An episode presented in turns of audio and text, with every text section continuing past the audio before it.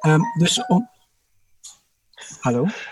Ik denk dat het tablet 100% opgeladen is. Ik ga hem even 100% uitzetten. Ik ben zo terug.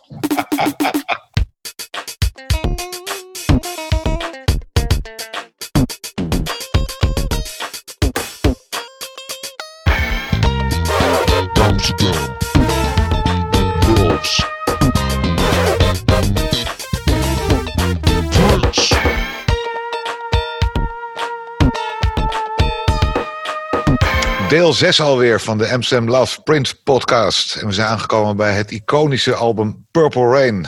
Eh, ook een film, ehm, uitgebracht op 25 juni 1984. Het album. Ik begreep dat de film een maand later in de bioscoop te zien was. Ehm, In, in Amerika. In Nederland kwam je geloof ik nog iets later uit. 6 september ja, 84. vaak. Sowieso Nederland liep altijd achter. Eh, eh, we horen Menno ondertussen, zo direct horen we Adam ook. Want we zijn er weer met z'n drieën. Gezelligheid. Hoi hoi. Ehm, wat ook nog opmerkelijk is aan de tijd van Purple Rain, is dat eh, Prince ook nog twee andere albums produceerde tegelijkertijd. En die moesten allemaal rond dezelfde tijd uitgebracht worden. Ehm, op 4 juni, twee, drie weken voor Purple Rain, Sheila E., Glamorous Life. En eh, twee weken na Purple Rain, The Time, met Ice Cream Castle. En volgens mij kwam daar ook nog, maar ik kan me vergissen, eh, Apollonia 6 eh, in dat jaar erbij. Zeker. Toch? Ja, oké. Maar ook in dezelfde tijd. Eh, eh, eh, oktober 84. Ja, precies. Ik, ik heb begrepen dat er, er moesten drie platen van Prince, zeg maar, of tenminste, die moesten rond die juni-juli-periode uitkomen. En dat, eh, dat waren die drie in ieder geval. Nou, het, is, het is eigenlijk nog, nog bizarder eigenlijk dan, dan dit. Er is ook nog een film. Ja, en nog een film. Nee, maar als je. Het, ik heb het boek van eh, Dwayne Tudal eh, er even bij gehaald. Dus de Purple Rain Era 83, 84. Zeg Ja. maar, elke dag deed. Eh, waar hij dus bijna iedere dag een track opnam. Ehm, sommige, ja, dat boek, heel goed. Dit boek. Alle Ja. boeken voor de luisteraar. De, bij, de Bijbel. Ehm, maar ehm, hij heeft dus zeg maar in het jaar van dat hij het toeren was met eh, 1999, dat was toen eigenlijk, ehm, constant aan het opnemen voor Purple Rain. Eh, hij werkte aan Romance 1600 van Sheila E. Ice Cream eh, Castles, het, wat je vertelde van The Time. Maar ook bijvoorbeeld eh, Chocolate and My Summertime Thing eh, van The Time, die pas in 1990 zijn uitgekomen. Ehm, Apollonia, eh, uiteindelijk, vers, eh, uiteindelijke nummers van Around the World in a Day, zoals Pop Life, Paisley Park, Condition of the Heart, 17 Days, America, zijn allemaal toen opgenomen. Zelfs nummers die op zijn The Time zouden komen, zoals Strange Relationship is toen opgenomen. En eh, het album van Jill Jones, wat ehm, een paar jaar later eh, is uitgekomen, zijn toen ook allemaal opgenomen. All Day All Night, G-Spot, Maserati, 100 Miles an Hour, Modernaire van Under Simone, The Family, eh, Mutiny, High Fashion, Nothing Compares to You. Zijn allemaal, zeg maar, de basic tracking is toen al eigenlijk absurd. Het is eigenlijk helemaal absurd. Als je het- Vraag je, Adam. Ja. Ehm, want jij zegt dat die, de, al die tracks allemaal zijn opgenomen. In hoeverre waren die dan opgenomen? Want dat vraag ik me dan af. Waren Nou, ze al helemaal klaar? Of was het een, een, een, een, een rough demo waar je wel een idee van kon krijgen? Het, het, het verschilt een beetje. Ehm, bijvoorbeeld als je kijkt naar ehm The Family bijvoorbeeld. Ehm, de basistracks zijn toen allemaal opgenomen inderdaad. Dus zeg maar Mutiny, High Fashion, Nothing Compares to You. In eigenlijk volledige Prince versies. Maar daarna ging het naar David Z. En David Z heeft toen met eh, Paul Peterson... ehm, alles opnieuw woord voor woord eigenlijk ingezongen. En, eh, eh, en daarna is het gestuurd naar Claire Fisher. Komen ook straks, eh, dat was in 85, dus dat is eigenlijk een jaar hierna. Maar is er naar de Claire Fisher gegaan, die orchestraties gemaakt heeft. En dan is het nog een keer gemixt. Dus er zijn uiteindelijk heel wat overdubs aan te pas gekomen. Zeker voor, voor Jill Jones. Maar bijvoorbeeld zo'n Strange Relationship, die die dus al in... ja, Dat was nee, die zijn in 83, verschillen, ja, dat 84. zijn verschillende versies. Dat, dat, eh, Hij heeft het e- eerste setup gemaakt. Het eerste idee. Ja, Ja. ik weet dat, dat bijvoorbeeld Strange Relationship zijn er volgens mij vier of vijf versies van gemaakt. En dat verschilt allemaal een klein beetje, weet je wel. En later is er dan, maar goed, daar hebben we het dan over een paar albums verder over. Maar goed, Ja. later zijn nog Wendy Lisa er overheen gegaan met hun eigen accent. En, maar de basis van, het, van, van, van zo'n nummer, ja, de basis is, is toen opgenomen. Ja, hij heeft natuurlijk ook, uh, het is een jaar en acht maanden zat er tussen 1999 en uh, Purple Rain. Mm -hmm. uh, ergens las het de langste tijd tussen twee albums bij Prince. Ja, dus er was ook wel wat tijd. Maar goed, er, er, gebeurde ook heel veel in die tijd. En dit was natuurlijk wel de stap naar, naar, naar megaster status. Ja, en als je ook bedenkt inderdaad dat hij ook nog eens aan het toeren was. Ja. En aan het repeteren voor de nieuwe plaat.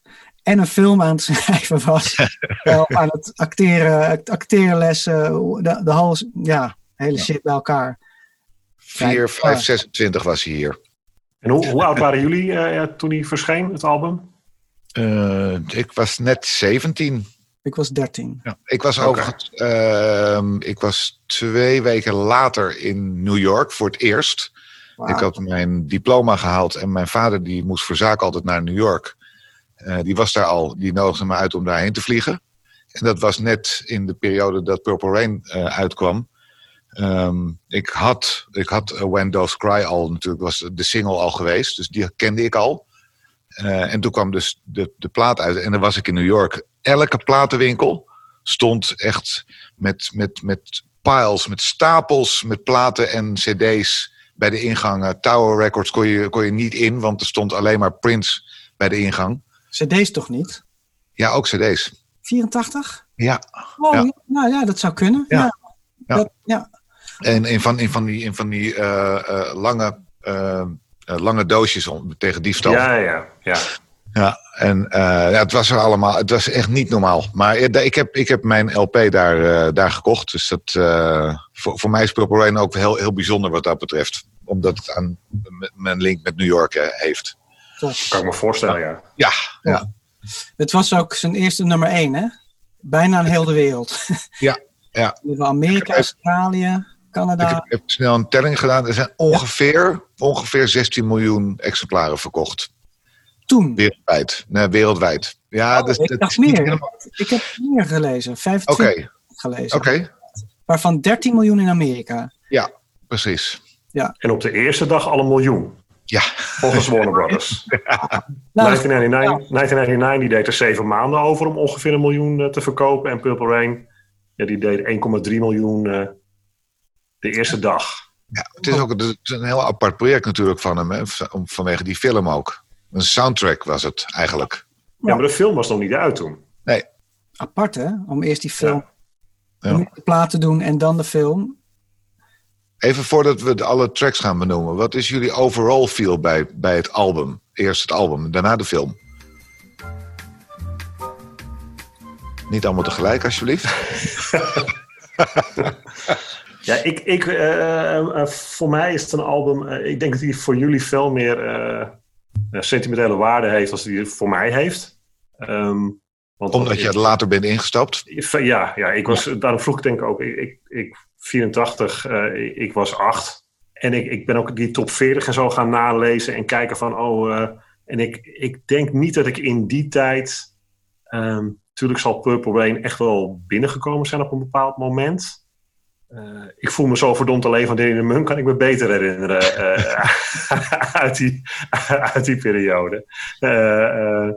je hebt vast wel een idee bij het hele album, zeg maar. Of een gevoel. Nee, oh, zeker goed, goed album. Ja, ik, verval, ik val in herhaling. Elk album vind ik een beter album worden bij Prince. Hmm. En dat vind ik, vind ik hier uh, ook. Uh, er staan natuurlijk veel meer. Uh, de, de, de, elk album komen er meer hitsingles op. Ja. Ook natuurlijk door de populariteit van de, van de film en, en, en de, de, de, de singles die het heel goed hebben gedaan. Vijf, vijf singles zijn hiervan uh, van afgehaald. Ja, maar ik, heb er, ik merk wel dat ik er niet een heel sterk gevoel bij heb, wat ik bij vorige albums misschien wel kon uitdrukken. Oké. Okay. Dus, dus, ik geef in dit geval het stokje even over aan Adam. nou, eh, het is. Uh, ik heb best wel veel uh, gevoelens en indrukken van het album. Dus ik, ik, heb dat, ik wil dat eigenlijk liever verdelen over de nummers die we straks per nummer gaan bespreken. Want ik heb okay. heel veel nummers echt uh, persoonlijke verhalen en persoonlijke herinneringen uh, aan, daaraan. Um, wat, ik, wat ik wel kan vertellen is ehm, dat dit album mijn één na lievelingsalbum van Prince is. Uh, Oh. Staat op nummer twee. Op nummer twee. Oké. Dus eigenlijk is elke track. Hoor.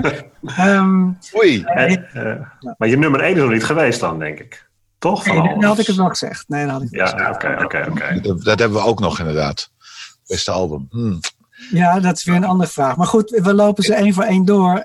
En ik, Precies. eh, zoals, zoals we al, altijd, altijd doen ter voorbereiding, we luisteren de plaat van begin tot eind. En Ja. samen met alle herinneringen en, en musicaliteit van dit album dacht ik, ja, dus dat is globaal dan, ja, dit is wel echt mijn lieveling. Nou, dus mijn één na lievelings. En bij jou, Phil, heb jij, heb jij dan een... eh, Ik- eh, Het, het, het mooie is, het is eigenlijk een soundtrack, maar ik heb helemaal niet het idee dat het een soundtrack is. Dus het is voor mij, eh, ik heb ook eerlijk gezegd, eh, de film, de, de, de Ja. eh, eh, film Purple Rain, die heb ik ehm 2018 voor het eerst pas gezien. ik ook. De film is, de film is uit 1984. Ik heb hem to- tot 2018 nooit, ja, stukjes flarden af en toe, maar nooit de hele film eh, gezien. Ik heb hem gezien, de, de, de, de rescreening in Rotterdam ben ik naartoe geweest. Daar heb ik hem voor het eerst helemaal gezien. Ehm ik had er nog steeds geen spijt van dat ik hem niet eerder heb, helemaal heb gezien, want het was, ik vond het niet geen bijzondere film. Het ging voor mij om de muziek. En die, en die plaat, ja, die, dat is voor, was was een album. Dat was geen soundtrack. Eh, pas als je de film hebt gezien, ja, dan vallen de bepaalde stukjes op zijn plek. Maar verder, ik vond het, ik vond het hele album waanzinnig. Ehm, waarbij ik eh, wel meer dan één eh, favoriete track heb. Het is niet maar één favoriete track daarop. Dat kan niet. Dat is eh, eigenlijk onmogelijk. Maar er zijn ook tracks tussen waarvan ik, waar ik iets minder mee had. Het wordt inderdaad steeds moeilijker om, om je nummer 1 van, van een album eh, af te halen. Dat is echt, eh, echt grappig. Ja, ik heb die film dus ook pas in 2018 gezien. Maar dan de screening in Amsterdam. Dat kan ook. En Ja. ik, heb, ik, heb, ik heb altijd... ik, heb, ik heb de DVD al jaren in huis. Ja, Maar ik daar ook. heb ik En alleen, daar, heb ik alleen de, de videoclips van afgehaald. Zodat, eh, zodat, we, zodat we die onder andere bij eh Op de Purple Parties konden de draaien. Purple Parties konden draaien. Fijn. Mooi. Adam, heb jij hem in 1984 gezien? Eh, in, in eh, januari 85. Ja, Oké, toen vroeg ik jaar. net uit was. Zal ik, zal ik straks ook nog een verhaaltje over vertellen. Precies. Wat wel leuk is, is dit, ehm, het is zijn zesde album dus, maar het is niet helemaal zijn zesde album, want het is niet Prince, het is Prince and the Revolution. Officieel, ja. Ja, Officieel. ja. Produced, arranged, composed and performed by Prince and the Revolution. Maar eigenlijk zijn maar vier tracks van de negen door de Revolution opgenomen. De rest was solo, misschien wat af en toe vocale hulp. En eh, Des Dickerson had de band verlaten. Eh, en Wendy kwam erbij. En ehm, Wendy, en, eh, Wendy en Lisa dus als koppel samen in de band. En Ja. ehm, wel grappig, een paar dingen over, over Wendy Lisa, want die zullen toch wel een vrij grote rol spelen de komende paar platen. Dus het is opgenomen in Sunset Studios, vooral. Ehm, ook eh, in The Warehouse. Dat was een oud eh, repetitieruimte waar, waar je gewoon de band goed, redelijk goed kon opnemen. In First Avenue is heel veel opgenomen. Dus ehm, er, er is een optreden geweest. In, Drie tracks volgens mij. ja, drie, uiteindelijk drie tracks. Ja. Eh, Purple Rain, Baby I'm a Star, I Would Die For You. Op 3 augustus 1983 in First Avenue. was voor de Minnesota Dance Theater Company, een soort benefiet. En hij is te vinden op YouTube. Ik weet niet of jullie hem gezien hebben. Nee. Is- Nee? Oh, go for it. Ehm, ik, ik, ik, ik heb er even doorheen geskipt vandaag eh om Oké. ter voorbereiding. Ja. Oké. Nou, wat zo bizar is, het is het allereerste optreden van Wendy. Ze is daar 18 jaar nog. Eh, net geen 19. Eh, in haar korte rokje en haar gitaar en alle dance moves doen. En ik weet niet, ik ben gewoon een beetje verliefd op Wendy. Maar vooral omdat zij zo'n baas is op gitaar. En dat is voor mij, vind ik, zo sexy. Los van hoe iemand eruit ziet. Maar ze is gewoon een baas.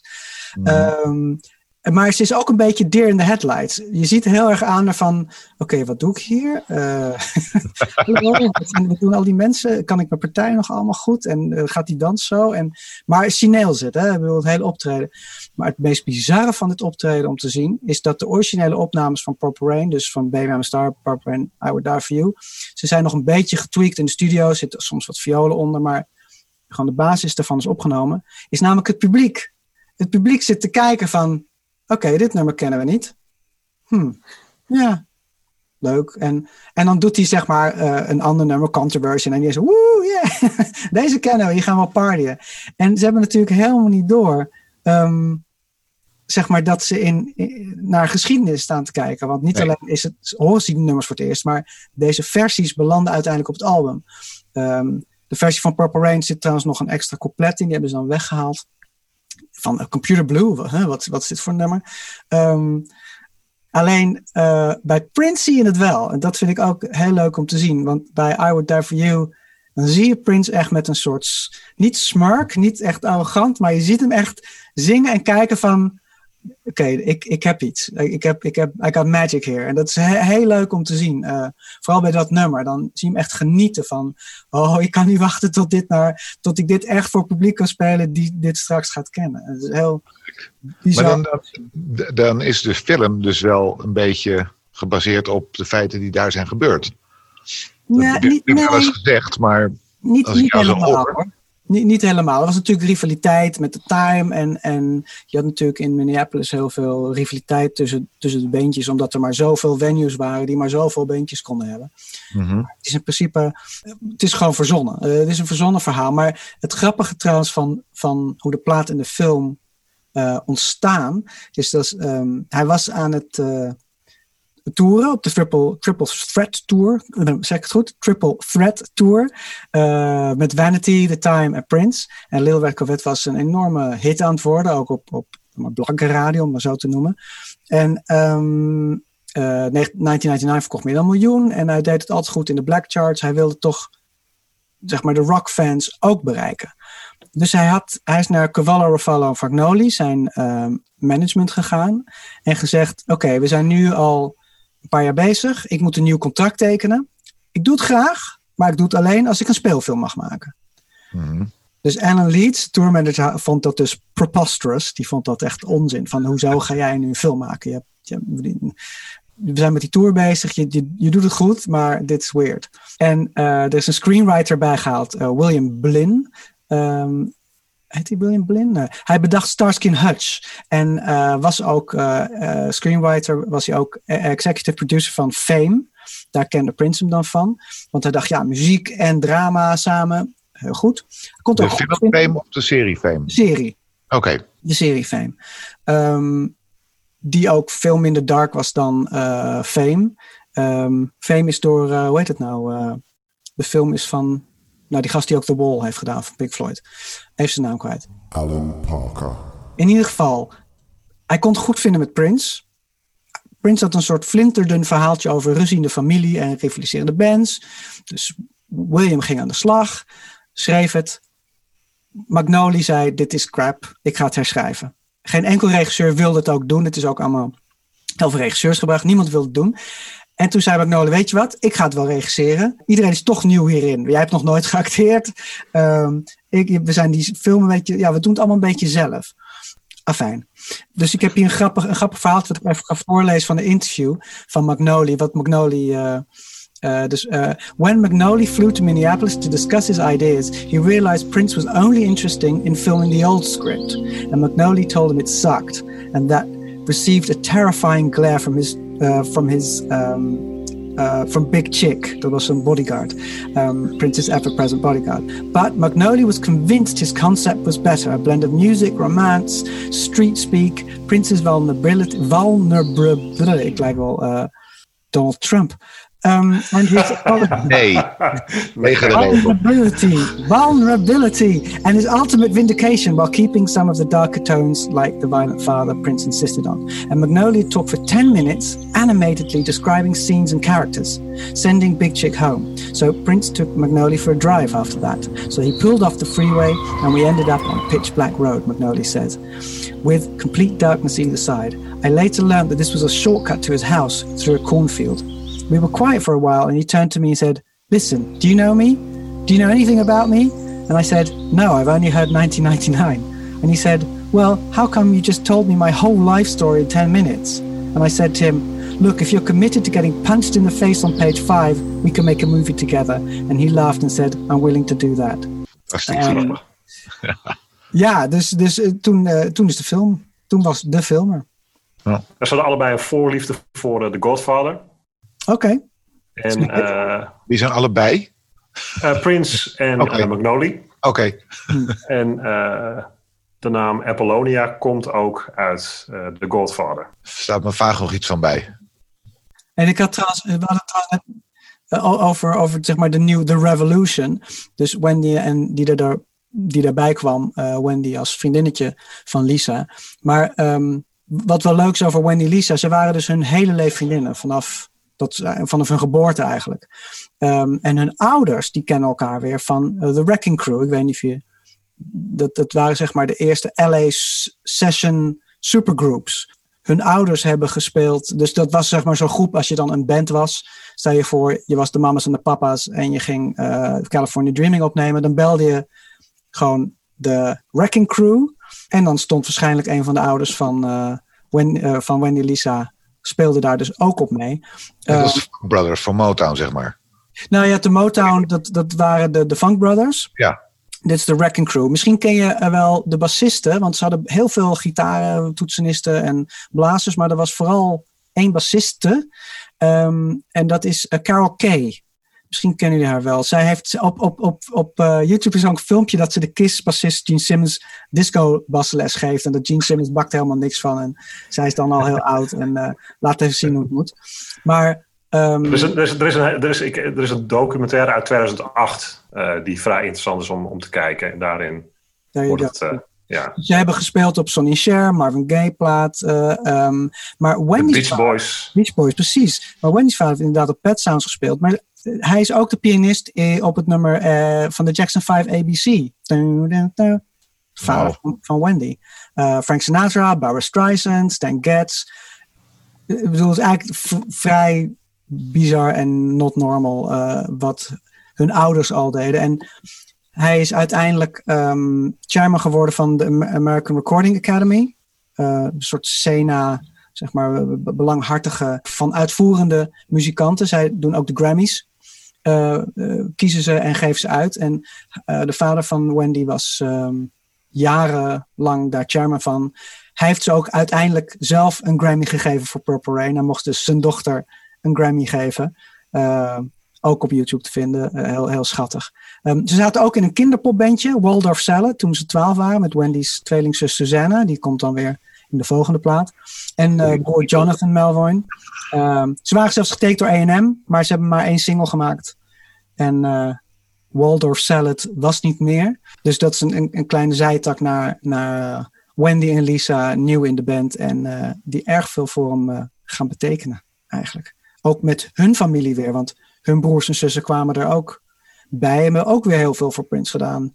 eh, waar Prince bepaalde dingen losliet. Maar dat gaan we zo in de nummers. dat weer verder eh, op in, in- eh, induiken. Zal ik daar verder induiken. Yes. Ja, het, het, het, het landschap van 1984 wat betreft eh, muziek. Ook leuk. Ik heb, ik, heb, ik, ik heb even gekeken naar. eh, je hebt een, een top 100 jaaroverzicht van 1984 van de top 40. Mhm. Ja. Volgens mij nemen ze dan alle nummer 1 en die.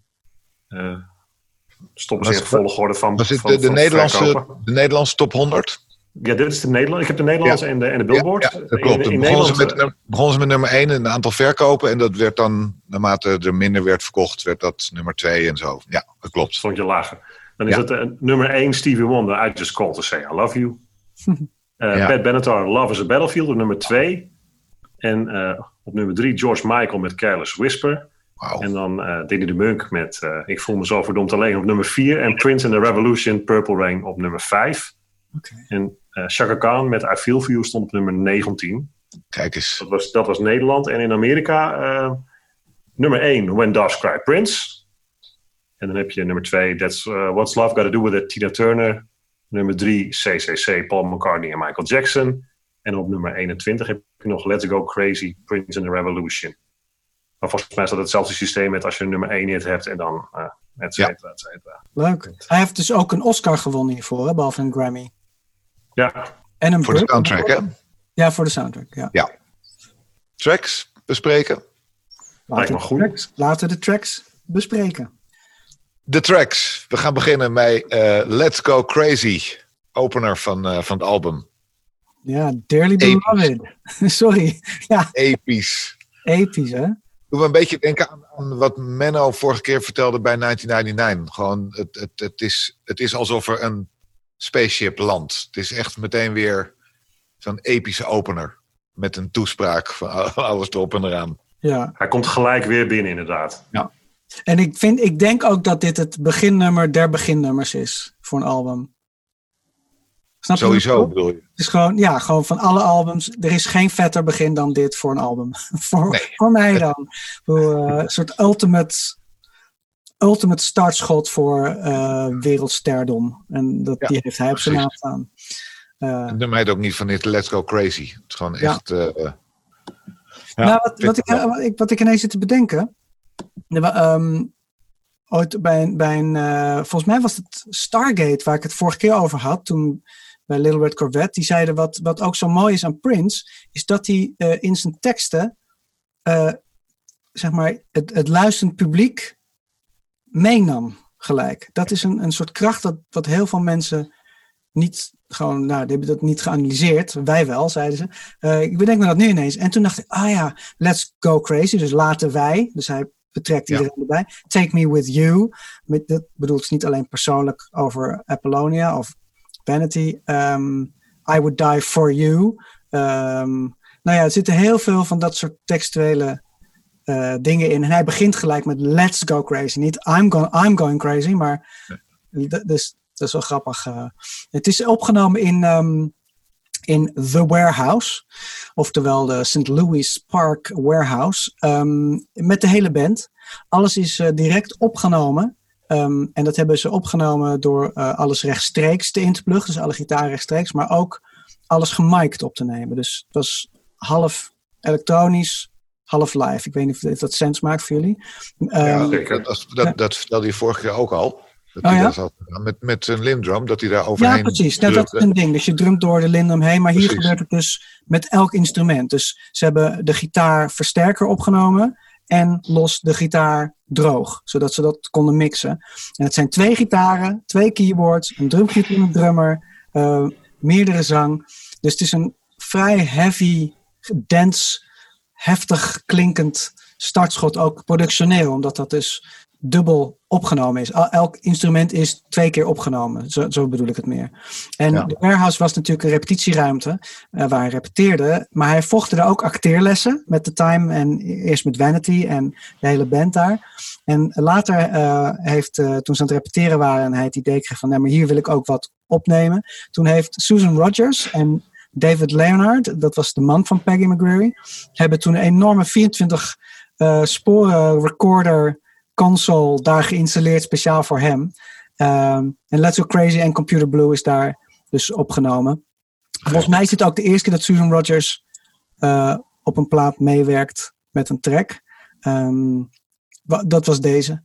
Um, en ze zal dus vier jaar voor hem werken in, in de voor mij meest gekke tijd van Prince. Ik kan me herinneren dat, dat en misschien heb ik het verkeerd, uh, maar volgens mij had zij ook toen ze die warehouse binnenliep van moeten we hier, moeten we hier gaan opnemen. Dat is akoestisch echt uh, nou, niet ideaal. En, en, en hoe, gaan we dit, uh, hoe gaan we dit doen? En toen kwam ze geloof ik achter dat, dat Prins had zoiets van ja, maar het gaat me niet zozeer om het eindproduct. Het gaat me meer om het proces en dat we het kunnen, kunnen maken. Oké. Dat verklaart trouwens wel waarom ze dus en met alles met mics hebben opgenomen en alles direct. Dus dat verklaart dat je dan veel beter na de hand in misschien niet ideale ruimte wel nog alles goed kan mixen. Maar dat je ah. wel die feedback hebt van de gitaren, maar dat je ook gewoon nog de gitaren droog, zeg maar, droog noemen ze dat, binnenkrijgt om daar verder mee te produceren. En de, de, de jam voor Let's Go Crazy die ze hebben opgenomen is een, eigenlijk de 12-inch version. Ik weet niet of jullie die kennen. Dat is de Extended Dance Mix, wordt het ook wel genoemd. Zeker. Um, daar hebben ze het van geknipt. En ze wilden het eigenlijk helemaal erop zetten. En dat is ook bij een aantal van deze tracks zo. Dus de volledige, wat is het, 7 minuut 24 uit mijn hoofd. Um, erop zetten. Maar uiteindelijk kwam Take Me With You toch op de plaat. Het werden niet acht, maar negen nummers. En uh, toen hebben ze deze ingekort tot, uh, tot hoe we hem nu kennen. Dat was het tweede single van het album. Mm -hmm. Uitgekomen 18 juli. In de B-kant uh, Erotic City. Hey. Ja, daar heb ik niks over opgeschreven, maar dat is wel ook een van mijn lievelingstracks. Ja, ik, mocht, ik, mocht, ik, mocht ik de bel klingelen, dan, dan zou denk ik toch voor, ja, ik ga niet vals spelen, dus ik ga hem bij een ander nummer uh, noemen. Maar anders was het Erotic City geweest uh, als lievelingsnummer van het, uh, van het album. Maar het staat niet op het album. Dus... Nee. Nee, er zijn best wel veel B-kantjes die bij mij ja, tot, tot lievelingsnummers zouden gebombardeerd kunnen worden. Zouden ze op het album terecht zijn gekomen. Ja, precies. Ja. Er is overigens ooit een langzame versie van gemaakt ook, hè, van Let's Go Crazy. Met Third Eye Girl. Ja. ja, ik kan me voorstellen dat je na een tijdje wel iets anders wil. Ja. Uh, en uh, het, het, was een, als ik het goed weet, ja, het was een, de eerste, daar openden ze mee. Daar openden ze de set mee. Ook een, ook een te gekke versie. Het is echt wat jij, wat, jij, wat jij net al zei. Het is zo'n statement. Het is meteen binnenkomen. Het is een concert ja. beginnen. Een concert beginnen, een, een film beginnen, een plaat beginnen. En Van alles beginnen. Ja, het, het, is trouwens ook gebruikt, bedenk me nu, bij, uh, bij de openingsscène van een film oh crap, moet ik dat opsturen? Dat was zo te gek. Toen dacht ik, hoe hebben ze dit kunnen copyrighten? Een andere film. Ja, een, een, een totaal niet met Prince te maken film. Uh, ja. Maar dat is sowieso wel speciaal dat het in een andere film gebruikt mag worden. Ja. Daarom, ik was heel erg verbaasd. In de bioscoop dacht ik, hè, hoezo mag dit? Um, het is een redelijk recente film? Ja, redelijk recent. It was Kingsman, The Golden Circle. Back to the podcast. Uh, in Nederland uh, was de plaat op vrijdag 15 februari Veronica Alarmschijf in 1985. God, dat had je en, ook nog vroeger, ja. Ja, en uh, de 18e positie in de Nederlandse top 40. En de 11e positie in de nationale hitparade. Ja, en in, in, 19, in 1997 in het Chris Rock interview zei hij dat het nummer gaat over God en Satan. Ik, ik weet niet hoe jullie dat uh, toen de tijd hebben ervaren toen het uitkwam. Dat je dacht, oh, dit gaat over God en dit gaat over Satan. Nee. Nee, dit was Helemaal gewoon, niet. gewoon totaal ons, uit ons dak gaan. Daar ging het om. Ja. Ja. Dat begreep ik altijd uit de, uh, de, ene, de ene zin. Let's go crazy, let's get nuts. Ja. En dat bedoelt niet een Mars of een Twix of een Nuts, maar een andere nut. Goed. Alright, track 2. Take Me With You. Heb ik meteen een klein verhaaltje bij. Niet heel groot, maar uh, ik heb het al bij een eerdere plaat. Ik dacht bij Prince of bij Dirty Mind had ik het ook al. Uh, dat mij dat deed herinneren aan een tune, een, een dingetje van de radio. Um, in de uh, tweede helft van de jaren tachtig heb ik uh, in Israël gewoond. En heb ik ook bij de uh, Israëlische Defense Force radio gewerkt. Dat was een, gewoon een radiostation waar gewoon normale programma's werden gemaakt. Uh, niet speciaal alleen voor, het, voor en door het leger, maar gewoon van alles. Daar was een, een, een, een presentator, die had een avondprogramma à la um, uh, Met het op morgen. Die had elke mm -hmm. avond om 11 uur een, een programma waarbij hij de dag doornam en een beetje naar morgen keek. En hij was een enorme Prince-fan. Hij had Take Me With You als uh, programma opener, sluiter, maar ook tussendoor jingles gebruikt. dus die, elke keer als ik die plaat hoor, dan hoor ik dat radioprogramma. Want daar was ik, ik, ik was zelf uh, technicus, uh, geluidstechnicus bij de radio. Dus ik, ik zat of in de studio programma's voor te bereiden, of zaten we, zat ik live in een, in een uitzending. En ik heb heel vaak ook bij hem live in de uitzending gezeten. Omdat ik ook een Prince-fan was, wilde hij ook dat ik heel vaak bij hem in de uitzending uh, werkte. Wat leuk. Dus we hebben die, die track, dat is echt voor mij uh, één op één gewoon. Ik vond het zo tof dat hij een track van Prince gebruikte als tune. Wat je nu achteraf bedenkt, want het was officiële radio, uh, hoe dat kon. Hoe die dat, dat daar nooit een, een sue of voor iets voor is geweest. Want ja, als, je mag heeft, het op de radio gewoon draaien. Ja, ja, het werd echt als tune nou. gebruikt. Dus ja, uh, ja weet ik. Ja, dus als je er ook zing, ja. Geen idee. Maar ik vond het, ja, dat was echt. Uh, en nog steeds, voor mij, die plaat, die track, vind ik. Uh, hij is ook heel krachtig. Een hele krachtige track. En ik hoor voor het eerst strings bij Prince. Klopt. In dit nummer.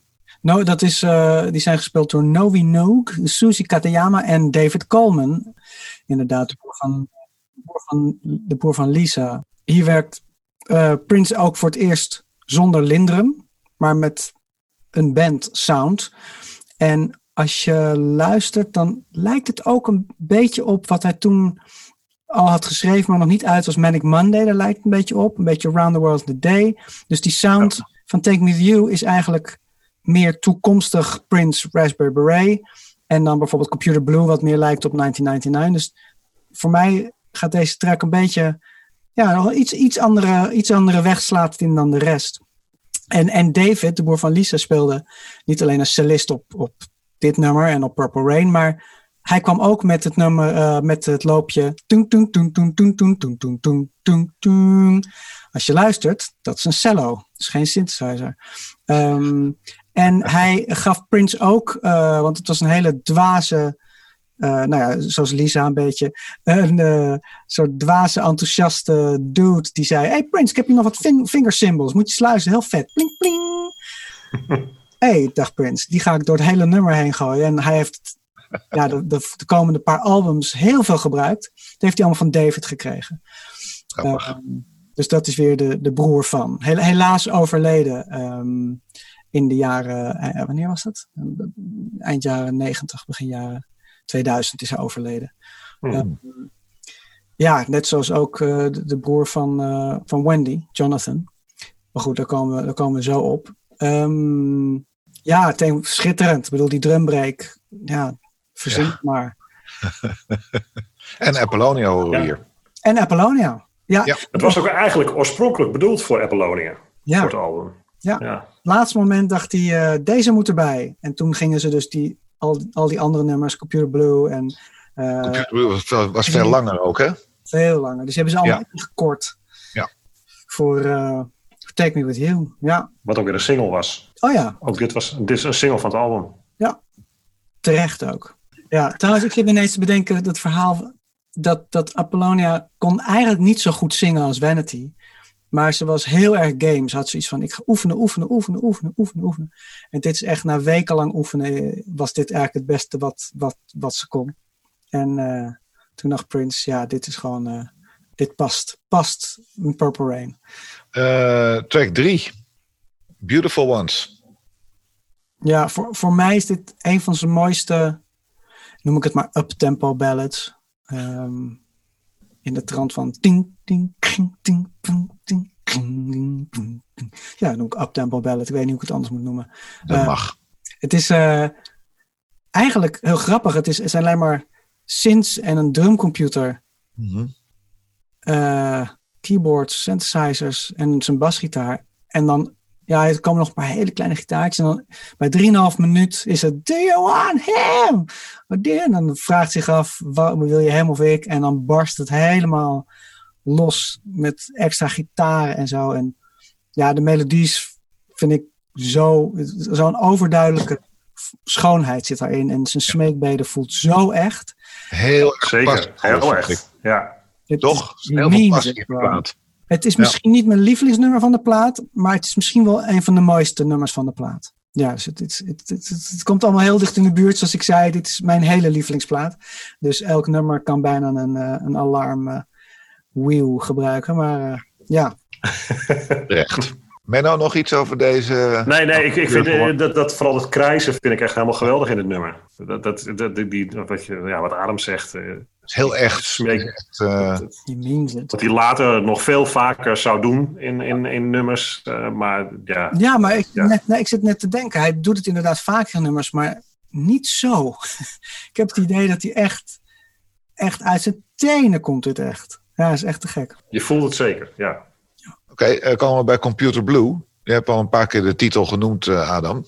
er zit best wel, best wel een verhaal aan achter de, deze track, hè? Yes, Phil. Vertel.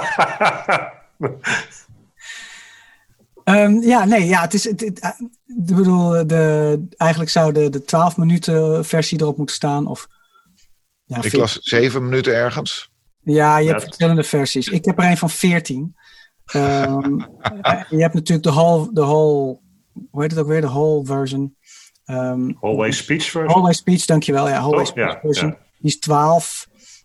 Dus ik heb uh, volgens mij vier verschillende versies, allemaal tussen de 10 en de 14 minuten. Dus nu ik hem weer hoor, in deze versie, denk ik, wow, het voelt een beetje overhaast. Er moet nog wat, waar, waar blijven die stukjes nou? Dus hij, ik vind hem heel kort.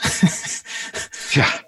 Want, want die lange versie, dat is, is niet normaal. Is echt helemaal te gek. Hij is natuurlijk eerst gerepeteerd en toen live gedaan op het concert in First Avenue voor de Dance Company waar, waar we het over hadden. Uh, maar hij is daarna nog een keer helemaal opgenomen in, in de warehouse, weliswaar met de hele band.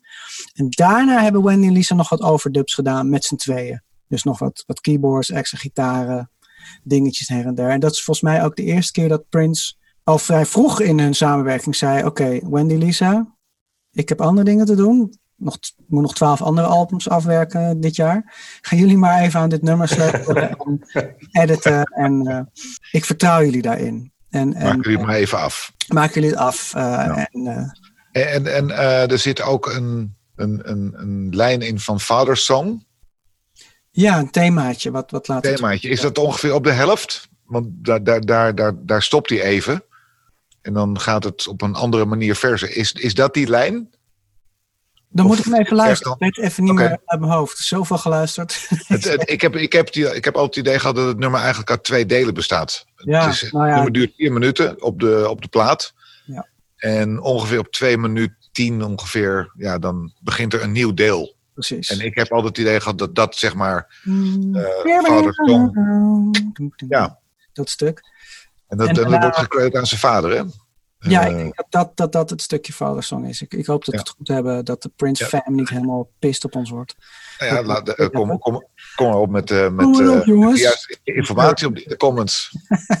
Ja. Als het niet zo is. Even kijken. goed, die, die, die, die, de, de hallway ver- version is natuurlijk ehm, uitgebracht of heruitgebracht toen, bij de, toen vorig jaar bij de heruitgave van Purple Rain met ook heel veel B-kantjes en lange versies. Dus hij is Volgens mij is het alweer, volgens mij alweer 2017, toch? 2017. Ja, dat kan. Ja. Nou, dat is alweer drie jaar geleden. There you go. Ik dacht, gaat het hard, jongens, de tijd. Die, die- die nieuwe versie. Ja, Ja, daar staat die Hallway Speech version op, volgens mij. Darling Nikki, laatste track van kant 1. ja. Het is het nummer Ja. waar, waardoor er stickers staan tegen Dus het lyrics. Het is hier Ik begonnen. echt dat er, dat er hele discussies waren in, eh, in alle, alle eh, afdelingen van de rechtenorganisaties en in de politiek zelfs. Ja, de vrouw van Tipper Gore kwam hiermee. Van dit, dit, Ja. dit is kind of Ja. filth. Kan niet, Precies. kan niet. We moeten de, de jeugd waarschuwen. Ja. Speelde dat toen de tijd in Nederland ook eh, heel erg? Of was het meer een Amerikaans ding? Ik denk Amerikaans. Als je Voor kijkt, mij is het altijd heel erg Amerikaans geweest. Nederland is een stuk liberaler geweest wat dat betreft, altijd. Eh volgens mij, en dit werd al sowieso niet op de radio gedraaid. Dus het Nee. was niet een heel groot probleem. Nee. En het is wel het, is leuk. Hij gebruikt hier wat hij eh één, twee platen eerder. Oh ja, bij Lady Cab Driver ook deed. Dus hij gebruikt weer die open snare met heel weinig snares eronder. Samen met Linden handclaps. En ehm, ja, dit was trouwens ook de eerste keer dat Susan Rogers hem opnam. Ehm, dus dit was de eerste echte sessie dat ze. Met, dit kon ik nergens vinden, maar ik, ik, ben naar, eh, ik heb haar een paar keer eh, horen praten en daar vertelde ze van. Goed, dus ik weet, eh, in haar herinnering was dit het eerste nummer die ze deden. En zoals ze zei, I was blown away. En dat kan ik me goed voorstellen, want hij ging dus eerst drummen. Gewoon die- de hele nummer in zijn hoofd, door al die breaks en zo. Oké, cool, nu ga ik de bas doen, nu ga ik de synths doen, nu ga ik zingen. En het was in gewoon een uurtje of drie, vier was het klaar. En toen zei ze, toen zeiden ja, maak maar even een soort basismixje en dan neem ik het mee op cassette. En zo, zo is het eh, begonnen. Ik weet, ik weet dat toen ik de film heb gezien, in Rotterdam in dit geval, ehm, wat mij opviel bij dit nummer, is dat er spontaan allerlei vrouwen in de zaal opstonden en gingen dansen. Bij dit nummer. Niet echt het meest dansbare nummer. In de bioscoop. Ja, in de bioscoop. Mensen Maar het is, wel, ook, het is wel heel erg een female fan favorite, is het? ja, terwijl de tekst eh, de best expliciet is. En die ook echt, eh, misschien is dat ook de reden. Dat vrouwen juist heel erg opgewonden raken van, eh, ik weet het niet. Ja, Nicky deed Ik vond het opmerkelijk. Ja, Nicky doet natuurlijk waar ze het zin in had. En Ja. het maakt niet uit of de man erbij was of niet. Dus, eh, nee, maar het is, ik, vond het, ik vond het heel opmerkelijk. Het viel me meteen op. Ja, natuurlijk. Links en rechts gingen vrouwen staan en helemaal, ja, een beetje, Grappig. eh, eh, noem het erotisch, maar dat dan ook weer niet. Gewoon heel sensueel dansen. Dus eh, dat vond ik echt heel mooi om te zien. Dat, dat muziek dat dus doet met mensen. En dan speciaal Prince. Oké, we gaan naar kant 2. Ah, kan er, twee. zit nog, er zit nog wel een, een a cappella stukje aan het einde waar, waar iets mee, eh, mee is bij dit nummer. Een Ah, ah, ah. beetje een, een Beatles momentje. Want als je Oh, dat eh, achter... eh, eh, Ja. ba- backwards. Ja, ja, terug. als je het dan omdraait, dan krijg je... Hello, how are you? I'm fine, because I know that the Lord is coming soon. Coming, coming soon.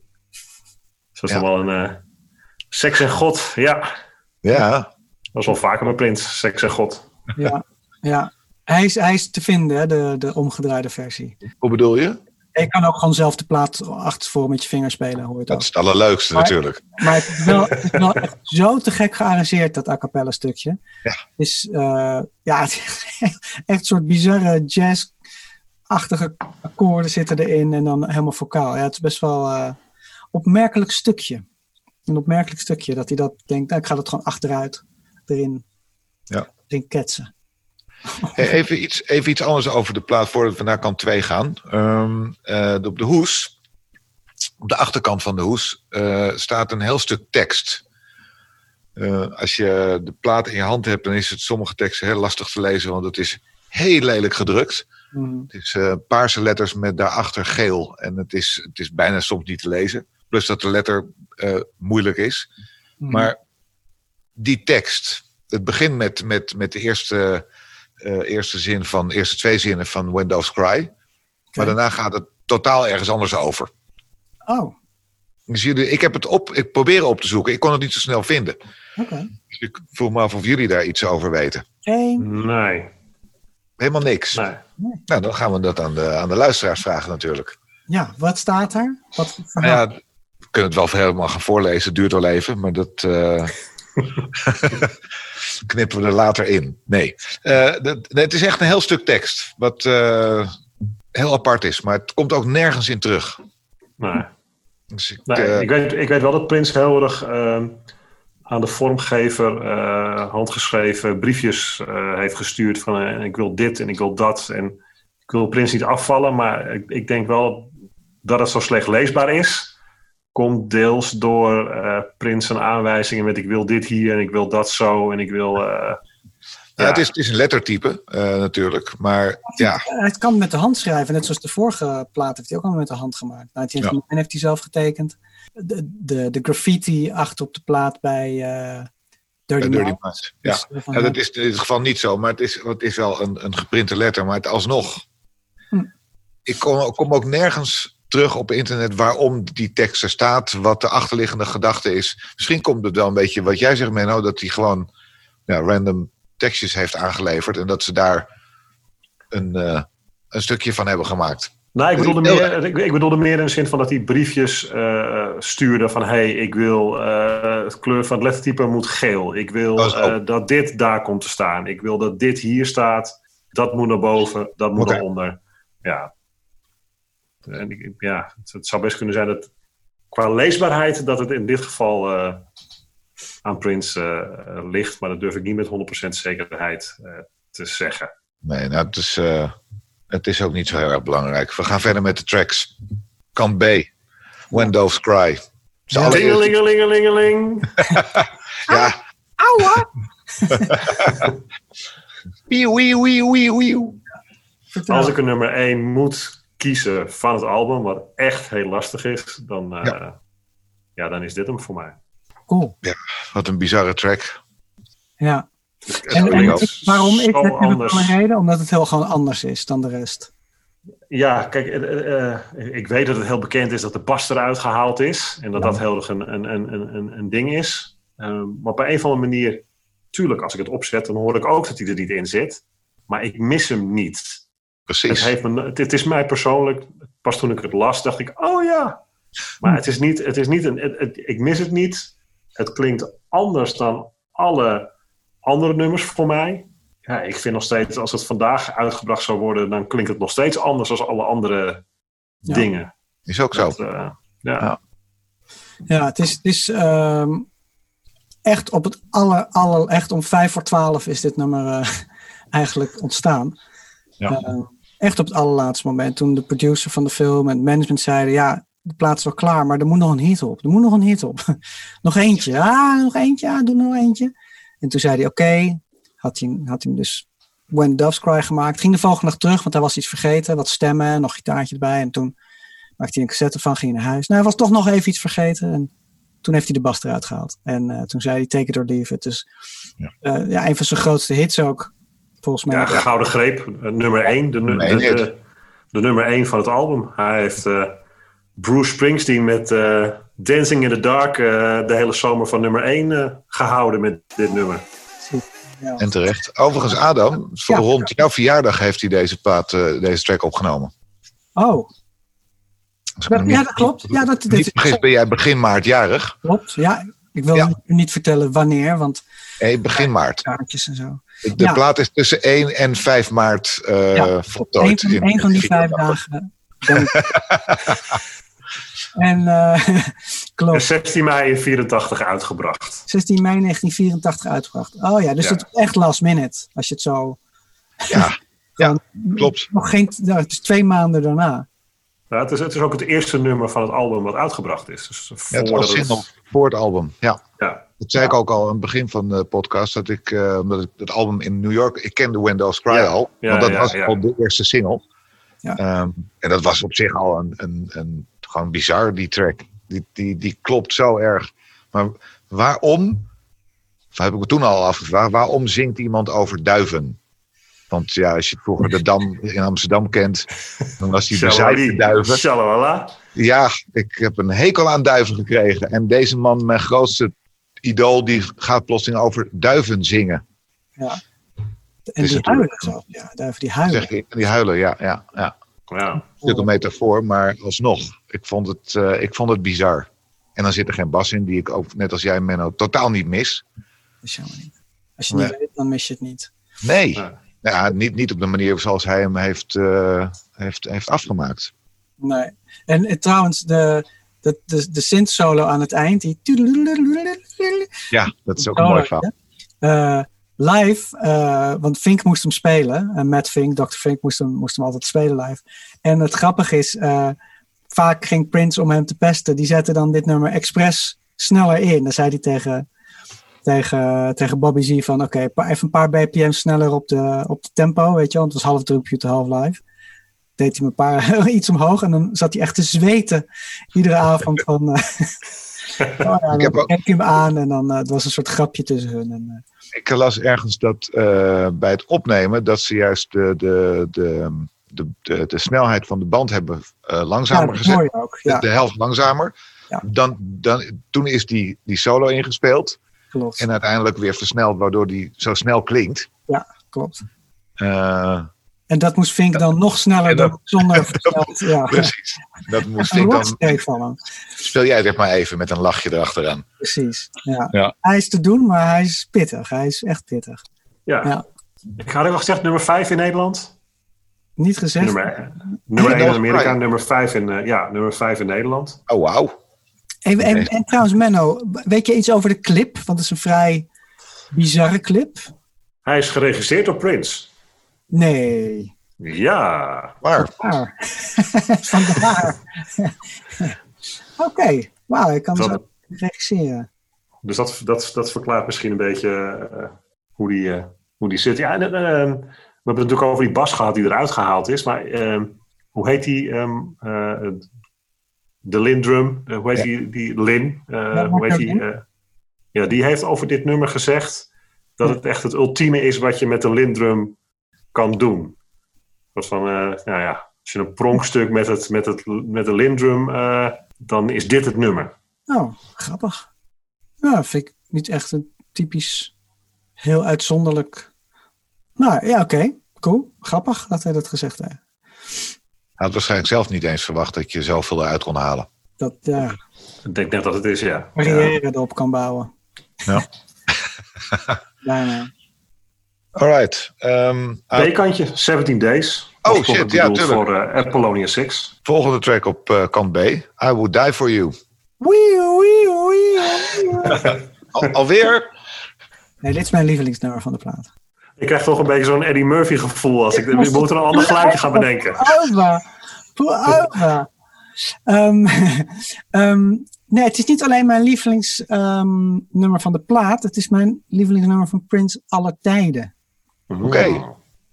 En eh, ik heb wel, Vertel, waarom? het is moeilijk, hè? Want het is altijd redelijk sub- subjectief in de vorm van.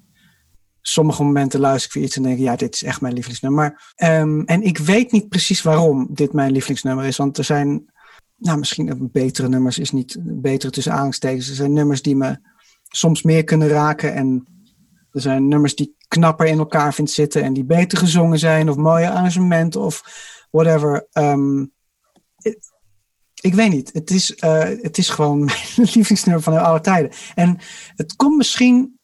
Maar ik zit te nadenken, waarom is dat zo? En misschien omdat het. Het is zeg maar aan de ene kant het meest lugubere, maar ook het meest romantische. wat je kan zeggen in een nummer. Want ik, ik zou voor jou sterven. En dan op een super funky synthesizer gerichte dance track. Ja, dus zeg maar die, die juxtaposition van verschillende emoties. eh, ik weet niet. Het is aan de ene kant dus ook super romantisch en het is ook een beetje sick. Ehm, ja, vooral die extended eh, dance live versie is eh, samen met eh, de Kiss 12 inch, of een paar albums, mijn lievelings 12 inch. De, dus die, die, die 10 minuten versie is echt Dat zou ik net zeggen. Maar die 12 inch is weer geëdit zelfs van een warehouse opname die hij met de band heeft gemaakt. En dat is, weer andere, dat is weer anders dan deze versie. Dus deze versie van de plaat is van eh, de 3 augustus. Van live in First Avenue. En de 12 inch versie heeft hij daarna met Sheila E. opgenomen. Met Eddie, Eddie M. En Miko speelt ook nog gitaar. Dat heeft hij in de warehouse opgenomen. En die is geëdit van een versie van 30 minuten en 41 seconden. En daar hoor je ook een beetje hoe hij live als bandleider en arrangeur stukjes geeft en eh, delegeert van oké, nu moet jij dit spelen en nu dat en nu komt dat stukje en hoe ze het daarna geknipt hebben. Ja, eh, echt absurd vette versie ook hoor. 30 minuten vliegen ook om. Ehm, het aparte is ook dat hij ehm, in 1982 voor een live show bij een, eh, een soundcheck ook live is uitgeprobeerd. En hij klinkt iets anders. Hij is iets meer rocky en het, is heel, het is heel grappig. Een stuk langzamer. Ehm, en ik heb denk ik ook meer versies van dit nummer dan welk ander nummer eh, dan ook. Wat misschien mijn liefde voor dit nummer nog groter maakt.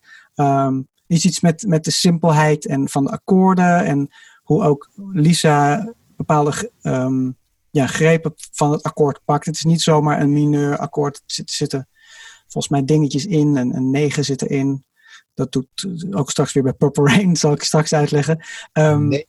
En die alle, allereerste versie van de soundcheck, die wordt veel meer gespeeld als Stand Back van Stevie Nicks. Ik weet niet of jullie dat nummer kennen. Wat Prince dus niet zozeer geschreven heeft, maar hij heeft een soort synthpartij erin gedaan. We hebben het ook wel eens, eh, wel eens gedraaid, die track, op, op, eh, op de Purple Parties. En hij heeft toen die track ehm, van Stevie eh, gedaan. En toen heeft hij die inspiratie waarschijnlijk weer genomen voor zijn eigen nummer. Want I Would Die For You was toen al een half jaar al in zijn hoofd. En had hij het al met de band doorgenomen. Toen kwam Stand Back van Stevie Nicks. Nou, dat ging zo. Eh Stevie Nicks wilde hem heel graag hebben, want vond Little Red Corvette niet normaal. En die zei, ik heb een nummer en kan wel wat synths gebruiken, zodat we een beetje ook die, dat pad belopen. En toen kwam Prince binnen en die, die luisterde naar het nummer en die zei, oké, ik doe wel wat. En die ging... Tan, tan, pam, nou, die, die keyboards meespelen. En er zit dus ook een... Zo'n bas die de hele tijd zo in zestiende gaat. Ehm, dat zit natuurlijk ook in I Would Die For You, maar dan stukken sneller nog.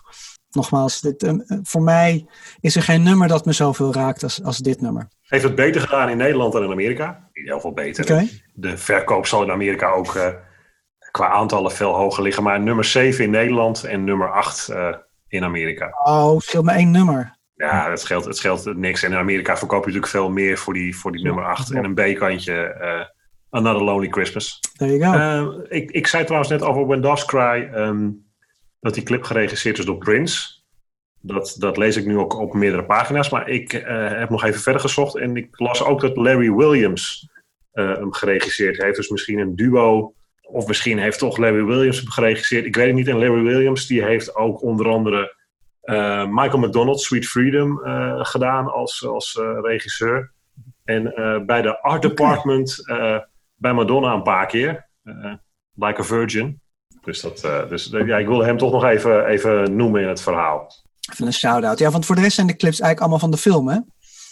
Uh, nee, en van... Uh, oh, ik vind het wel zo erg, ik kan het nooit goed uitspreken, maar uh, hoe heet dat concert? Syracuse. Ja? Zeg dat, zeg dat dan goed? Ja, heel goed uitgesproken. Da, da, daar zijn ook clips vandaan gehaald. Van het live optreden, wat net ook, is aan, gestreamd is door de ST. Ja. Die iedereen al op video heeft. Ja, precies. precies die. Uh, Paul Becker. Oké, oké. Okay. Nee, ook, uh, niet, los van When Dust Cry is er dus niet een, een, een losse clip gemaakt à la... Nee, nee, nee, nee. Het is of, uh, of van de film of, of, van, of van dit concert. Ja. en dat is dan dat is, I Would Die For You, Baby I'm a Star. Klopt. ja, en hij heeft ook... die regisseur heeft ook dingen gedaan voor Michael Jackson en Guns N' Roses en ACDC. Ook allemaal live concerten die hij dan geregisseerd. Ja, registraties. Ja. ja. Oké, okay, cool, cool. Hebben jullie nog, nog aanvullingen op I Would Die For You? Of. Nou, het is de vierde single. En meer... Goede aanvulling. Ja, nee, uh, geweldig nummer. Waanzinnige track. Wat jij zegt, het is, het, is, het, is, het is aan de ene kant heel romantisch, maar het is ook heel luguber. Ja. Dat is een beetje, dat, die tegenstrijdigheid alleen al in de titel is echt fantastisch. Ja. Het is heel energiek. Het is, uh... erin, hè? Ook voor het eerst dat hij dat doet. Nog een keer? Dat hij een 4, uh, een cijfer, gebruikt als for you. Ja. Uh, in een titel in ieder geval. Die you had hij inderdaad al eerder. Was Menno opgevallen. De 4 ja. als voor. 4 komt hier, ja. Voor jou, daar for you. Ja, ja man. De, die, die lange versie van 10 minuten is wel te vinden. En ehm, mochten mensen daar niet zo bekend mee zijn. Ik kan niet voorstellen wie niet, maar luister hem even. Want, uh, gaat, gaat volgens jullie. Sorry, ik onderbreek, maar gaat volgens jullie dit nummer ook over, over Jezus?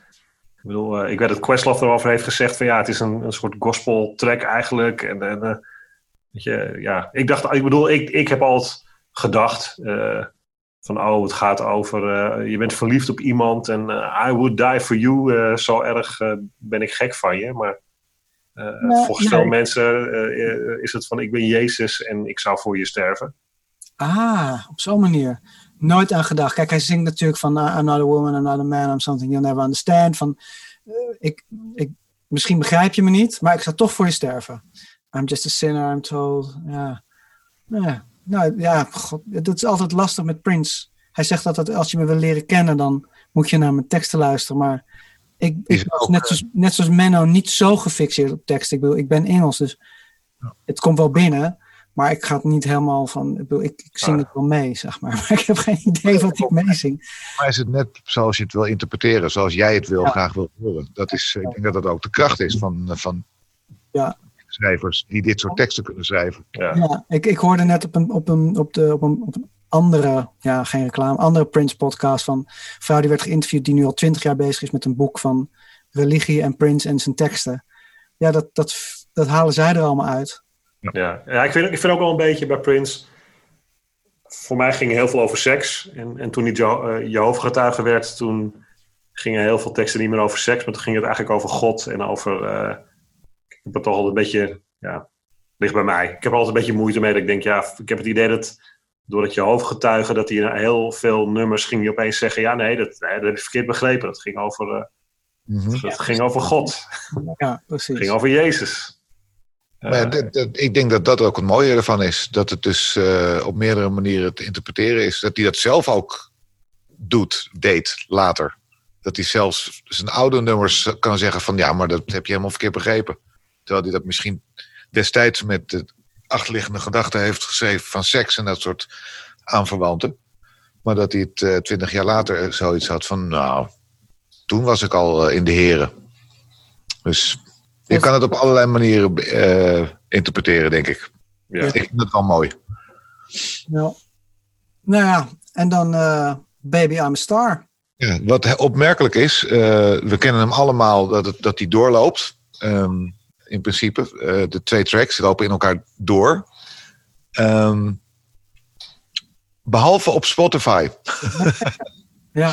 als, je daar, als je daar gewoon de plaat helemaal opzet, dan stopt I Would Die For You ergens. En dan duurt het vijf seconden voordat het einde van I Would Die For You weer inkomt. En dan Baby I'm a Star. Heel raar. Ja, ik zat ook te luisteren inderdaad. Horen aan elkaar. Ja, ik zat ook te luisteren van, hè? Hoezo is er nu een eind? En, Ja. en dan begint hij weer. Ja, Dat klopt niet. dat klopt niet helemaal, nee. Ja, Maar Baby I'm a Star, is dat een statement? profetisch. Ja, het is eerder opgenomen, hè, het nummer. Ergens in 81 of 82. Ja, het soort demo ervan. Ja, het, is, het, is Ja. een- het geschiedenis is een beetje vaag van deze, maar ehm, het, het, het, ja, het kan heel goed. Het is, het is een beetje old school, the time-achtig funk, high energy funk track eigenlijk. Eh, live in the Warehouse opgenomen. Of was deze, oh nee, wacht even. Deze was wel in, ehm, even kijken, heb ik het goed? Is nee, die zijn op First dansbaar. Avenue opgenomen. Sorry, First Avenue. Dat is heel goed dansbaar. Ja, ik moet zeggen, ik heb de originele versie van, van het nummer, dus van de, de opnames. En die is eigenlijk alleen maar eh, vier extra tellen drum. dat hebben we eraf geknipt. Oh, pardon. We hebben ze eraf geknipt en dan is het gewoon exact hetzelfde. Ehm, ja, en er zitten strijkers ook in. Heel apart. Weer, weer, eh, weer de strijkers. Maar het is voor mij een ultieme partytrack. Vooral live. Live is dit... eh, Volgens mij is het, is op, die, op, die, op die. Doe ik uit mijn hoofd hoor nu, maar de. Die, die, die Syracuse eh, live versie is ook iets van 10 minuten, toch? 10, 11 minuten. En Ga maar door. Met breaks en, en gekke dingen en dansjes en solo's. En, en dit nummer kan het hebben. Dit nummer kan heel lang doorgaan live. dat weet ik wel. Zeker. Oké. ehm, nou ja, het laatste track. Ik voel hem al aankomen, Phil. Ja, dit, dit moet waarschijnlijk, hè? Ja, hè? wel opmerkelijk meteen dat de, de titeltrack als laatste wordt eh, opgezet. Oké, Voor heel vaak dat dat soort dingen als eerste track is. Maar dit is gewoon dat is waar. Ja, ja. The Sexy, 1999, Controversy. Ja, het zijn allemaal de eerste nummers. wel vaak. Ja. Of, of niet alleen bij Prince, maar in het algemeen gebeurt dat gewoon wel vaak. Maar ja, Maar het heeft natuurlijk ook met de film, het heeft natuurlijk ook met de film te maken. precies. Dat, eh, dat is natuurlijk ook een beetje Purple Rain.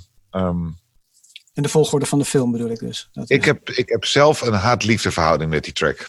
snap het. Maar vertel. Eh, het is, hij is prachtig. En, eh, in, in bepa- in bepaalde omstandigheden eh, is het ook een tearjerker. Maar ehm, ik heb hem. Ik denk dat ik hem ook te vaak heb gehoord. Het is eh, volgens mij de meest gecoverde track van Prince. En ja, ik, ik heb zelf eh, op, bij de concerten op een gegeven moment had ik zelf, dat is mijn eigen eh, mening, eh, die ik daar ooit aan heb gegeven. Op een gegeven moment had ik het idee dat hij hem zelf wel moest spelen, maar eigenlijk niet meer wilde, want hij had hem al te vaak gedaan. En wat er dan gebeurde was dat hij hem inzette, één couplet zong, een eh refrein heel snel en dan even een kort solootje, dan was het klaar. Want ik wilde meezingen, het hele nummer. En dat kwam niet. Er gebeurde verder niks. Was het nummer alweer voorbij. Dus ik had altijd zoiets van. Ik kreeg het idee dat hij het zelf niet meer zo graag wilde spelen. Heel, heel lang. Heel veel jaren. Hm. De, la- Tot- de laatste, ja, precies. De laatste paar jaar dat hij weer op dat. En, en meest zijn, zijn, zijn, eh, zijn hitcarousel eh, voorbij laat niet komen. Deed hij hem wel weer in een verlengde versie. Dus ik. Ja, wat ik zeg. Ik heb, een, ik heb zelf een haat-liefde verhouding met die track. Ja. Nou, het, het, het is nummer wat altijd gelinkt zal zijn aan Prince, hè? Dus eh, Prince, ah, Purple Rain. Dus mensen die hem dan minder goed kennen. En het heeft een best wel een vreemde geschiedenis. Ik ben even in gaan duiken. Er is een, eh, er is een, ik heb een, ik heb zelf een, ja, nu verklap ik heel veel, maar goed, ik heb weer een hele weirde bootleg demo uit 1982, waar het akkoordenschema gespeeld wordt op een midtempo lindrum, eh, gewoon achter elkaar en, en Prince die neuzelt wat en met een hele vette echo op zijn stem en het lijkt totaal niet op wat Purple Rain wordt, maar de akkoorden zijn wel hetzelfde. En eh, nou, dat was één, één stuk van de mysterie. En dan is er nog het verhaal van ehm, ehm, Journey. Ken, ik weet niet of je de band Journey kent, Amerikaanse band Journey. Die hebben een, nummer, eh, hebben nummer Faithfully. En ook een Ja. hele dikke hit to- toen. Eh, Ja, 83. uit 83. Ja, ik heb het opgezocht. Faithfully kwam uit 16 april 1983. Ongeveer dezelfde tijd dat Prince de versie schreef die we allemaal kennen. En ehm, dus de, de, de, de chord progression is echt exact hetzelfde. De, woe van Prince zit erin, maar is nu wow, is dat. Ehm, Faithfully staat in B en de Prin- Purple Rain staat in Best. Dat is een halve toon lager, dus het scheelt maar een halve noot. Ehm, dus ik, ik weet, en, en dan is er nog het verhaal dat Prince op een bepaald moment naar de leadzanger ging, Jonathan Kane, die heeft het ook geschreven. En die zei, ja, ik heb een nummer en, en ja, het lijkt er eigenlijk wel op. En het is totaal per ongeluk. Het is gewoon, ja, zo, rond dezelfde tijd, hetzelfde akkoordenschema. Het is gewoon een beetje per ongeluk. Moet ik wat betalen? En toen zei Jonathan Kane, eh, no worries, doe je ding man. Ik vind het een vet nummer. En, eh, ja, je, het kan, het is mogelijk. Weet je Ja, wel? ik, voel me, ik voel me gevleid dat je gebeld hebt. Oh, zei hij Dat dat? vond, ja, ja, dat, vond, dat, dat, dat, uh, it shows that you're a classy, classy guy. En eh, veel, veel eh, good luck with the song. Eh, het, gaat, het, gaat, het gaat zeker weten een hit worden. En nou ja, het werd ook natuurlijk echt een knijter van een hit. ja, Anders. wereldwijd. Maar ik bedoel, de Journey was in Amerika, dit nummer ook, ook een knijter van een hit. Dat is dus best wel weird dat er maar een paar maanden tussen zaten eigenlijk. En ik bedoel, ik, ik weet dat toeval bestaat in de muziek. Ik heb ook best wel vaak dingen gemaakt en dat ik dan één of twee of drie jaar later gewoon eigenlijk één op één iets hoor wat, wat uitkwam. Weet je wel, wat erop lijkt. En, en Wendy heeft natuurlijk dus, nou heb ik het over het negen akkoord. Het eerste akkoord is dus een besakkoord. En zij voegde daar een 9 aan toe. Ehm, een 9 betekent dus je hebt een octaaf. En als je een 9 toevoegt, dan pak je dus een hele noot boven de grondtoon. Een octaaf hoger. Dus Mhm. een een bes. En dan wordt, komt er een besakkoord met een C erin. Ehm, en ehm, dat is wel zo herkenbaar geworden doordat Wendy dat akkoord gebruikte of eh, ja, erin heeft gezet, waardoor het wel net anders is dan gewoon we beginnen met een besakkoord. Dus ik, ehm, je zal het wel horen. Nou ja, ik ben, ben toch benieuwd wat, wat mensen daarvan denken. Dus, dus ga naar onze Facebook page en vinden jullie het frappant? Denk je dat dit gejat heeft? Denk je dat het gewoon toeval is? Ehm, ik, ik ben toch benieuwd. Want ik vind het, het, het, is, het lijkt zo verschrikkelijk op elkaar. Terwijl ik denk dat meer mensen in de wereld Purple Rain kennen als Purple Rain. En niet zoveel mensen Faithfully kennen. Nee. Goed, eh, hoe dan ook. Ja, ik had dus ook, eh, net zoals veel, nou ja, veel dan haat liefde. Ik had dus ook niet zoveel met dit nummer. Eh, in ieder geval minder dan welk ander nummer van deze plaat. Maar er is wel een omslag ge- geweest. Ehm, ik ben in 2013 naar Minneapolis gereisd. eh, om de Revolution te zien. Eh, het was een Bobby Z fundraiser voor de Amerikaanse Hartstichting. Want hij heeft een hartaanval had hij gekregen. En weer goed bovenop gekomen. De, het concert is trouwens gesponsord door eh, Absolute Vodka. God. Ehm, en het was in First Avenue. En ik was daar met, met Jason. Eh, Jason eh, ken ik al sinds mijn veertiende. En een van de eerste dingen die ik met Jason, zeg maar, als beste vriendje deed, was naar de film Purple Rain. In the City. Toen we 14, 15 waren, 14 jaar. En ehm, toen we dus daar waren om de Revolution te zien. En Purple Rain begint. Het licht gaat uit. En ik had al een beetje gehoord van eh, de originele geluidsmensen. In ieder geval ieder, iedereen die nog leefde. De geluidsmensen, de monitormensen. De, iedereen die in de First Avenue ehm, in 83 was, was hier ook. Dus ehm, dat was ja, 30 jaar later. Ehm, maar iedereen was er weer. En ze hadden allemaal wat langere baarden en wat grijze haar. En het was de eerste keer dat, ja, het was, de, het was de eerste keer dat Revolution ook in, in volgens mij 15 jaar bij elkaar was. Wa- Waren ze nu weer bij elkaar. Ik vond dat dus echt de moeite om naar Minneapolis te gaan. Ik weet nog dat ik in het vliegtuig zat en dacht: wow, als ze echt super crap zijn, dan heb ik dus gewoon echt heel veel geld uitgegeven voor, om hier naartoe te vliegen hiervoor. Maar ehm, nee, het was, het was absurd. En, en ik was daar met Jason. Die, ik was Jason ook vrij snel kwijt, want die was altijd veel meer van: ik ga flippen, ik ga naar voren, ik ga pogo. En, en ik was meer een beetje achter. Maar om dan Purple Rain te zien, waar Wendy die solo doet en met bizar veel gevoel weer. En ja, zo waanzinnig gespeeld. En ieder, alle aanstekers eh, gingen de lucht in. En ehm, ja, het was gewoon janken geblazen. Gewoon, ik dacht, ik sta hier waar de film is opgenomen. Waar het originele Purple Rain is opgenomen. Die we allemaal kennen uit de film. En ik zit gewoon op die plek waar die camera voorbij ging. Waar je al die hele stoere dansers ook allemaal een beetje ziet. Heel serieus ziet kijken aan het eind van Purple. Daar stond, daar stond ik gewoon. Ehm, met allemaal coryfeeën en bekende mensen. En mensen uit, uit de muziekscene. En Prince gitaar was op het podium. Uh, Prince besloot toen niet te gaan spelen. Ehm, ik weet dat Bobby en zijn vrouw met Prince nog net voor het optreden samen gegeten hadden om de hoek.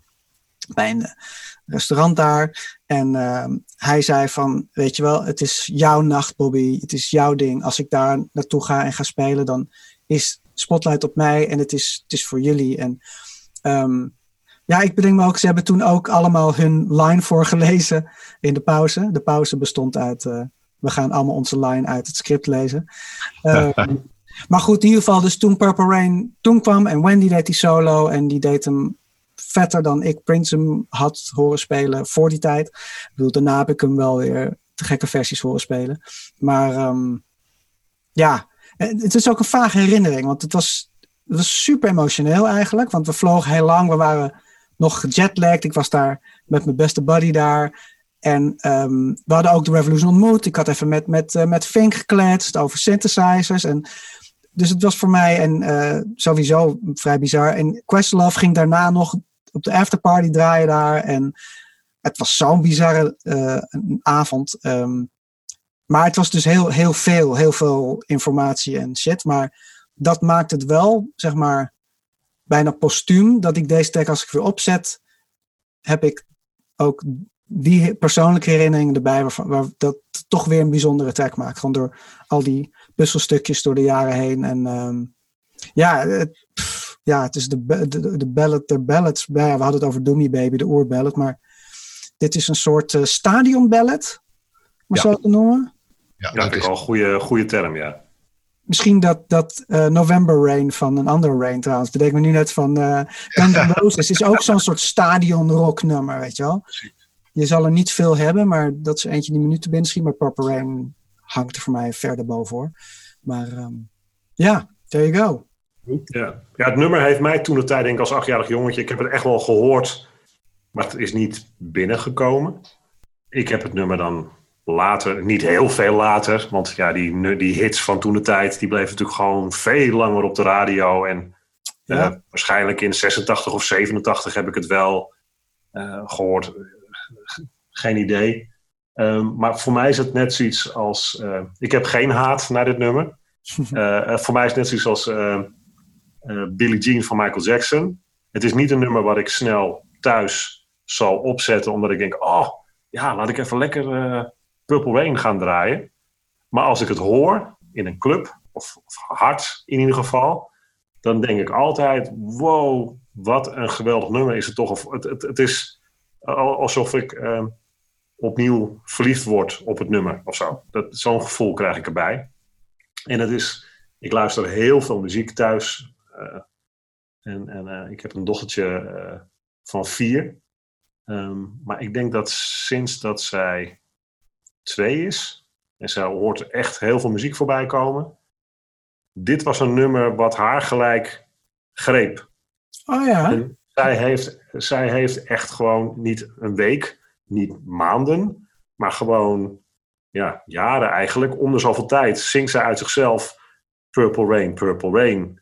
Wow. En uh, het is ook echt een nummer waar ze af en toe echt om vraagt. En ik heb echt een hoop nummers gepusht. Dit was er geen van. Maar dit is echt een nummer waar ze echt zoiets heeft van... Oh, weet je nog papa? Uh, Purple Rain. Dat ik echt denk, oh, oké. Okay. Dus uh, uh, ja. Wow. het heeft haar heel, heel erg geraakt. Alleen daarom al vind ik het een geweldig nummer, denk ik. Maar, ja, dat. Oh, nee. Snap ik wel. ja. ja. Nummer 2 in de VS trouwens. Niet eens een nummer 1. Wauw. Hmm. Een B-kantje. God. De, Ja. de love theme. Ja, precies. Instrumentale track. Van de, Yes. van, die dan niet op de soundtrack staat, maar wel eh, filmscore is. Ja. Alright, nou volgens mij zijn we er doorheen. Ja, gaan we de film dan in een andere podcast bespreken? Liever niet. ik, ik heb daar nog wel een, eh, een, een recensie, eh, een, een, een regeltje uit de recensie eh, eh, over. Oh, go for it, go for it.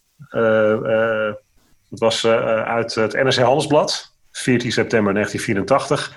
Een draak van een film, nou daar sluit ik me helemaal bij aan, die geen enkele liefhebber van dansfilms en rockmuziek mag versmaden. Nou ja, je doet, we doen het helemaal mee. En, maar hij heeft het geweldig gedaan. Dus, Ja, nee, ze- zeker. En ik, en ik, en ik bedoel, de muziek die erin zit en de optredens. eh, Daar gaat het eigenlijk om. ik, heb, ik heb ook geen moment verveeld toen ik hem voor het eerst zag. Ik ook Ik niet. vond het. Vond, het, eh, en, eh, Het is een cultfilm geworden. Het is een, echt een, een, een, een classic geworden. Dus ja, ik- het- niet, niet de beste film, nee. Maar dus, Nee. Ah, dat, is, dat is ook nog een grappig verhaaltje nog. Dan, dan hoeven we er geen aparte podcast over te maken. Eh, de, de film zou in eerste instantie in 200 bioscopen in Amerika eh, uitkomen. Wat, wat voor eh, Amerikaanse begrippen niet heel, heel veel is. Maar dat was een, eh, ze hebben de film zo'n screening gedaan met een testpubliek. En het testpubliek was laaiend enthousiast. Eh, alleen toen zij, ehm, volgens mij was het Warner Brothers Film, zo van ja, maar ja, tegen Warner Brothers muziek. Van, maar dat, jullie hebben gewoon, nee, wat is andersom dan. Jullie hebben alleen maar Prince-fans uitgenodigd. Die, en die zijn, natuurlijk zijn die laaiend enthousiast. We doen nog een screening. En eh, die mensen waren ook weer laaiend enthousiast. en toen dachten ze, oké, dan doen we het in veel meer bioscopen. En eh, ja, de rest is, eh, is, is het bekend hoeveel dan? Werd dat meteen Ja. twee keer zoveel of vijf keer? 900. Zo. Echt meteen Ja. al.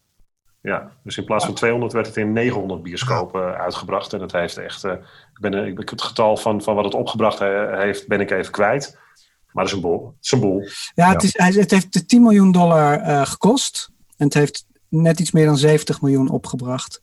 Dus eh, ja, zevenvoudige. Dat is niet slecht. Leuke weetje. Ik ga zwemmen in Leek eh, Minnetonka. Ik eh Ja. hoor jullie volgende week weer. Doe dat lekker. Goed, we zien elkaar allemaal eh, volgende week. En dan spreken wij. Around the world in a day. Als er commentaar is, graag. Wij horen graag van jullie tips en tricks. Hoe we het nog leuker kunnen maken voor jullie als luisteraar. Wij vinden het in ieder geval ontzettend leuk om te doen.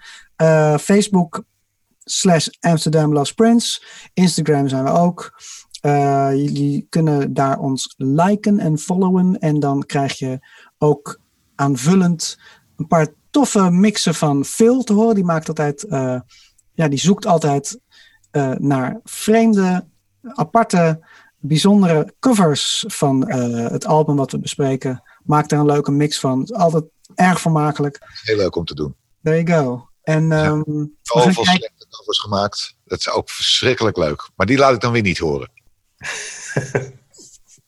Er zijn, er nog mensen, zijn er nog mensen met een anekdote van een precies. bepaald album. Laat het ook vooral, eh, vooral weten. We horen het graag. Wij hebben veel anekdotes, maar het is leuk om voor jullie te horen en eh, dat eh, ook erbij te doen. So, see you. Tot de volgende. Tot volgende week. Yo!